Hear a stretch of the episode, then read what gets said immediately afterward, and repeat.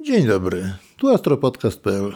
Przy mikrofonie Jerzy Bohusz i miło mi jest powitać Was w 28 odcinku naszego podcastu na temat amatorskiej astronomii obserwacyjnej. W poprzedniej audycji mówiliśmy sobie o tym, co widać na powierzchni Słońca. Najbardziej oczywistym przejawem aktywności słonecznej są oczywiście plamy słoneczne. Znane są od ponad 2000 lat, a od ponad 400 lat coraz lepiej poznawana jest ich natura. Oprócz plam, widocznymi przejawami aktywności Słońca są zarówno rozbłyski, jak i protuberancje. Jednak rozbłyski słoneczne, zarówno jak i protuberancje, zostały odkryte stosunkowo niedawno, bo mniej więcej w połowie XIX wieku. Zarówno rozbłyski, jak i protuberancje są także przejawami aktywności słonecznej i zazwyczaj towarzyszą dużym grupom plam słonecznych.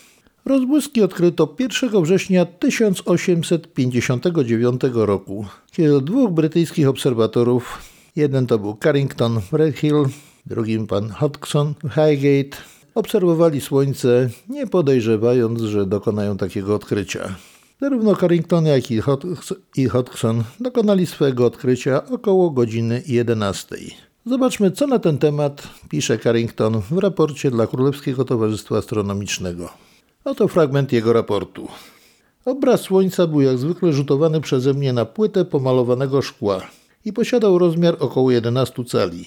Wykonałem już rysunki wszystkich grup, gdy w obrębie wielkiej grupy północnej wyskoczyły dwa kłaczki, świecące intensywnie jasnym białym światłem. Ta ich jasność zupełnie identyczna z jasnością bezpośrednio opadającego światła słonecznego spowodowała, że moim pierwszym wrażeniem było, iż promień światła przedostał się przez jakąś dziurę w ekranie osłaniającym szklany obiektyw przyrządu. Lecz przesuwając obraz przekonałem się, że stałem się nieprzygotowanym świadkiem zupełnie innego zjawiska. Następnie zanotowałem wstecz wskazania chronometru i widząc, że wybuch rozwija się bardzo szybko, oraz nieco podniecony niespodzianką zjawiska, pobiegłem spiesznie zawołać jeszcze innego świadka wydarzenia. Powróciwszy po 60 sekundach, zastałem zjawisko znacznie zmienione i osłabione. Wkrótce potem, o godzinie 11 minut 23, znikły ostatnie zarysy rozbłysku. Tak opisał to zjawisko pan Carrington w swoim raporcie dla Towarzystwa Królewskiego. Zobaczmy, co na ten temat ma do powiedzenia pan Hodgson. Jego relacja jest może mniej obszerna, ale równie ważna i wiarygodna jak relacja Carringtona. Hudson mówi nie o dwóch świecących kłaczkach poruszających się w poprzek plamy, lecz o jasnym, gwiaździstym obiekcie oświetlającym górne brzegi przyległej do niego plamy i smugach przypominających promienie zachodzącego słońca, rozchodzące się za chmur we wszystkich kierunkach. Opis obrazowy bardzo sugestywny i dobrze oddający naturę zjawiska. Bardzo jasne kłaczki nazwano rozbłyskami słonecznymi, o tak oficjalnie się one nazywają, a są to najbardziej energetyczne, trudno powiedzieć, twory czy procesy, jakie obserwujemy na tarczy Słońca. Ich natura dokładnie jeszcze nie jest do, do końca wyjaśniona, ale podejrzewa się i najprawdopodobniej słusznie, że są one związane z tak zwaną anihilacją pól magnetycznych, czyli bardzo silnymi zaburzeniami blisko siebie występujących skomplikowanych pól magnetycznych, jakie występują na, w obszarze wielkich plam słonecznych. Charakteryzują się one tym, że bardzo szybko narasta ich jasność, po czym dosyć powoli spada. Czas życia rozbłysku bywa różny. Najmniejsze, najsłabsze żyją do kilka minut świecą. Natomiast te bardzo duże, takie jak obserwowali ci panowie, potrafią trwać nawet do około półtorej godziny, a czasami i dłużej. Oczywiście te obserwacje, o których w tej chwili mówimy, to były pierwsze obserwacje rozbłysków słonecznych, zaobserwowane, zanotowane i, i w pełni udokumentowane. Nieznane są przypadki, żeby ktoś wcześniej zauważył właśnie rozbłysk słoneczny. Oczywiście te rozbłyski które obserwowali zarówno Carrington, jak i Hodgson, bo to jest to samo zjawisko. Jedno obserwowane przez dwóch niezależnych obserwatorów, co jeszcze bardziej potwierdza uwiarygadnia. Były to olbrzymie rozbłyski. Według najnowszych badań, średnio statystycznie, tego rodzaju rozbłyski zdarzają się raz na około 500 lat. Oczywiście istnieje to dużo większa ilość mniejszych, słabszych rozbłysków, nie tak widocznych. Zresztą tylko te największe i najsilniejsze są widoczne w świetle białym. Rozbłysk niesie w sobie dużo energii, zarówno elektromagnetycznej w postaci fal zarówno radiowych, poprzez świetlne, aż do ultrafioletu i dalej, a także wyrzuca dużą ilość cząstek naładowanych, elektronów, protonów, ewentualnie jąder helu. Oczywiście zarówno to promieniowanie po 8 minutach mniej więcej dociera do powierzchni Ziemi, a w tym przypadku cząstki, które tam dolatują normalnie przy mniejszych, słabszych, słabszych rozbłyskach po około 20 paru do 30 paru godzinach, te doleciały do Ziemi już po 17 godzinach. To była mniej więcej połowa XIX wieku. Elektryczna infrastruktura na Ziemi jeszcze była bardzo słabo rozbudowana, nie było linii przesyłowych, za to była już dosyć dobrze rozbudowana sieć linii telegraficznych. W momencie, kiedy te cząstki dotarły do Ziemi i te fale elektromagnetyczne, nastąpiło bardzo duże zakłócenia łączności telegraficznej. Po prostu nawet pod, nastąpiło uszkodzenie aparatów telegraficznych i skrzenia, w paru przypadkach nawet zapłon taśmy, bo wiadomości telegraficzne były przekazywane znakami Morsa w postaci krepek, kresek i kropek, zapisywanych rysikiem na długim odcinku papierowej taśmy. Stąd nazwa właśnie telegraf. Gdyby dzisiaj nastąpił taki rozbłysk przy obecnej infrastrukturze elektrycznej, elektronicznej, nastąpiłaby praktycznie globalna katastrofa, ponieważ rozbłyski, a ściśle ich skutki w postaci zarówno promieniowania elektromagnetycznego bardzo silnego, jak i strumieni cząstek naładowanych powodują indukowanie się w przewodach elektrycznych, zwłaszcza linii przesyłowych wysokiego napięcia, bardzo dużych prądów, bardzo dużych napięć, potrafiących spalić wielkie transformatory przesyłowe, potrafiących spalić również inne urządzenia elektroniczne. I w dzisiejszych czasach rzeczywiście, gdyby tak silny rozbłysk nastąpił, to mogło być zakłócenia w skali globalnej i gospodarka praktycznie wszystkich krajów, cała infrastruktura elektryczna, elektroniczna związana z przepływem prądu elektrycznego mogłaby ulec zniszczeniu albo przynajmniej poważnym awariom, co na długo zakłóciłoby normalne funkcjonowanie świata. Oczywiście te same cząstki, to samo promieniowanie wzbudza piękne zorze polarne, zarówno na jednym biegunie, jak i na drugim. W 1859 roku zorze polarne były, występowały bardzo obficie po tym zjawisku i na bardzo małych szerokościach geograficznych chociaż z reguły, jak sama nazwa wskazuje, zorze polarne są związane bliżej zawsze z biegunami Ziemi. W tym wypadku podeszły aż na jakieś kilkanaście, kilkadziesiąt, kilkadziesiąt stopni, zarówno na północ, jak i na południe od biegunów ziemskich. Takie zjawisko też zdarza się bardzo rzadko, jest rzadko obserwowane, ale niestety istnieje. Oczywiście, jak wspomniałem wcześniej, oprócz takich silnych rozbłysków występuje także dużo mniejszych, które trudno jest zauważyć w świetle białym, bo nie niosą już takiej energii tak szerokim spektrum. Najłatwiej rozbłysk i obserwuje się w linii widmowej H-alfa, czyli w czerwonej barwie zjonizowanego wodoru, a także w świetle zjonizowanego wapnia. Tam najwyraźniej są one widoczne i bardzo łatwo je zobaczyć. Tylko, żeby móc zobaczyć w tych liniach widmowych, w tych kolorach, bo to są obrazy monochromatyczne, musimy dysponować odpowiednim sprzętem dostosowanym do tego typu obserwacji. Są to najczęściej teleskopy zaopatrzone w odpowiednie filtry. Są to bardzo specjalistyczne instrumenty, ponieważ sercem każdego takiego instrumentu elementu jest filtr albo właśnie H-alfa, albo filtr wapniowy, dający jednobarwny obraz. W przypadku H-alfa to taki czerwono-malinowy słońca i dopiero możemy zobaczyć to, co w tej jednej wąskiej długości fali się dzieje na Słońcu. A dzieje się dużo, o czym jeszcze za chwilę wspomnimy. Ponieważ te teleskopy są bardzo specjalistyczne, nadają się tylko do obserwacji Słońca. Ich konstrukcja stosunkowo prosta jest, a najbardziej kosztowną rzeczą w tych teleskopach jest sam filtr, który daje bardzo wąską wiązkę światła, znaczy wąską w, dziedzinie, w sensie spektralnym, jednobarwną o szerokości mniej więcej jednego ekstrema, w pojedynczym kolorze, podobnie jak laser. Takie filtry są bardzo kosztowne i nie każdy może sobie pozwolić na to, żeby prowadzić tego typu obserwacje. Dawniej do tego typu obserwacji używano instrumentów zwanych spektroheliografami, spektrohelioskopami. Było to połączenie teleskopu ze spektroskopem, dosyć skomplikowanie, tam się przesuwało siatki dyfrakcyjne między szczelinami w miarę ruchu Słońca i to rysowało jakiś tam obraz Słońca w wybranej dowolnie linii z całego widma, jakie można było uzyskać w tym przyrządzie. Najczęściej właśnie te alfa wybierano i linie wapniowe, bo tam najwyraźniej te zjawiska były widoczne. Dzisiaj tego typu instrumentów się praktycznie już nie stosuje, stosuje się właśnie te z filtrami. Ale jeżeli nie ma możliwości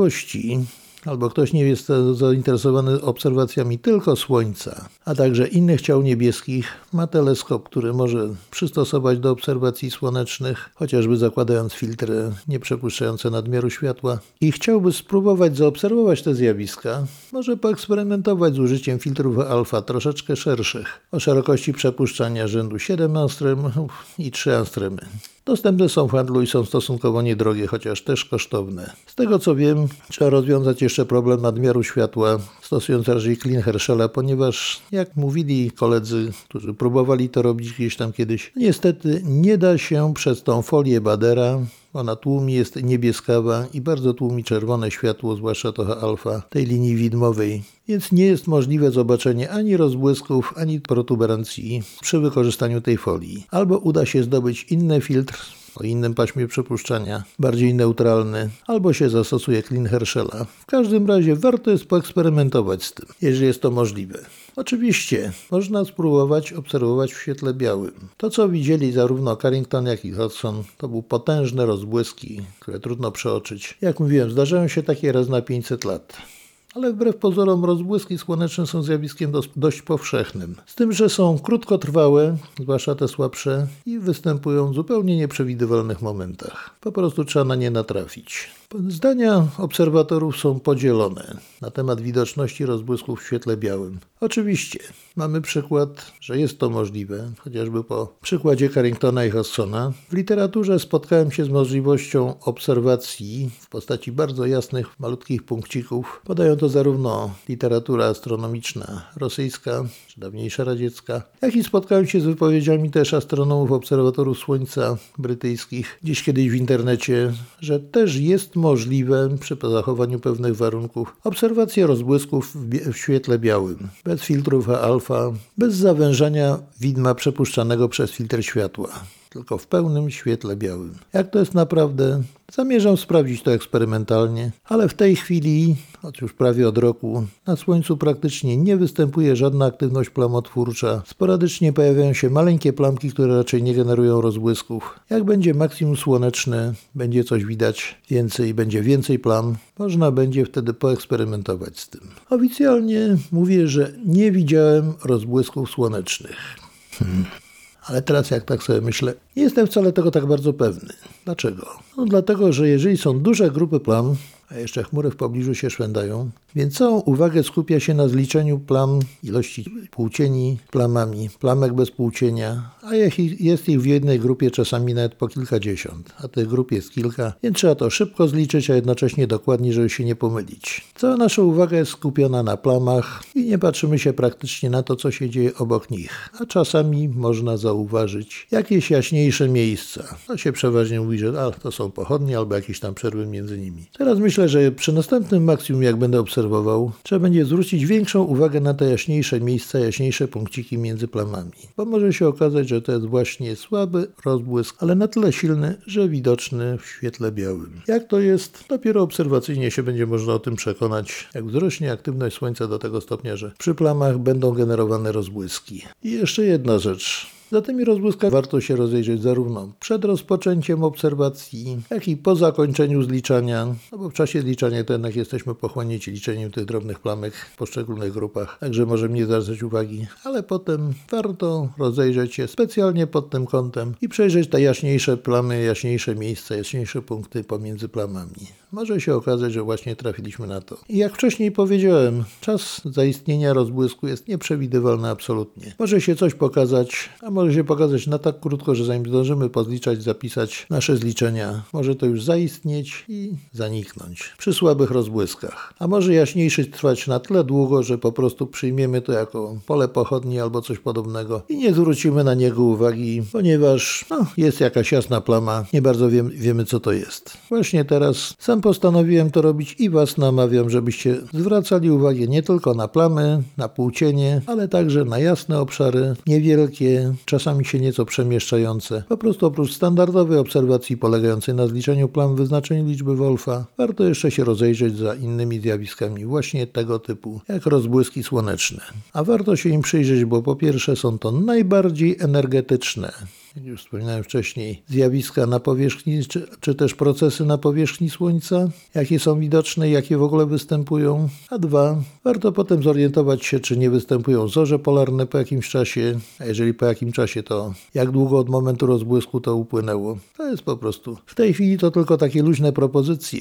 Jak będzie już więcej plam słonecznych, bardziej intensywnie będą działały, wtedy możemy sobie bliżej pomówimy na ten temat i określimy sobie odpowiedni program obserwacyjny.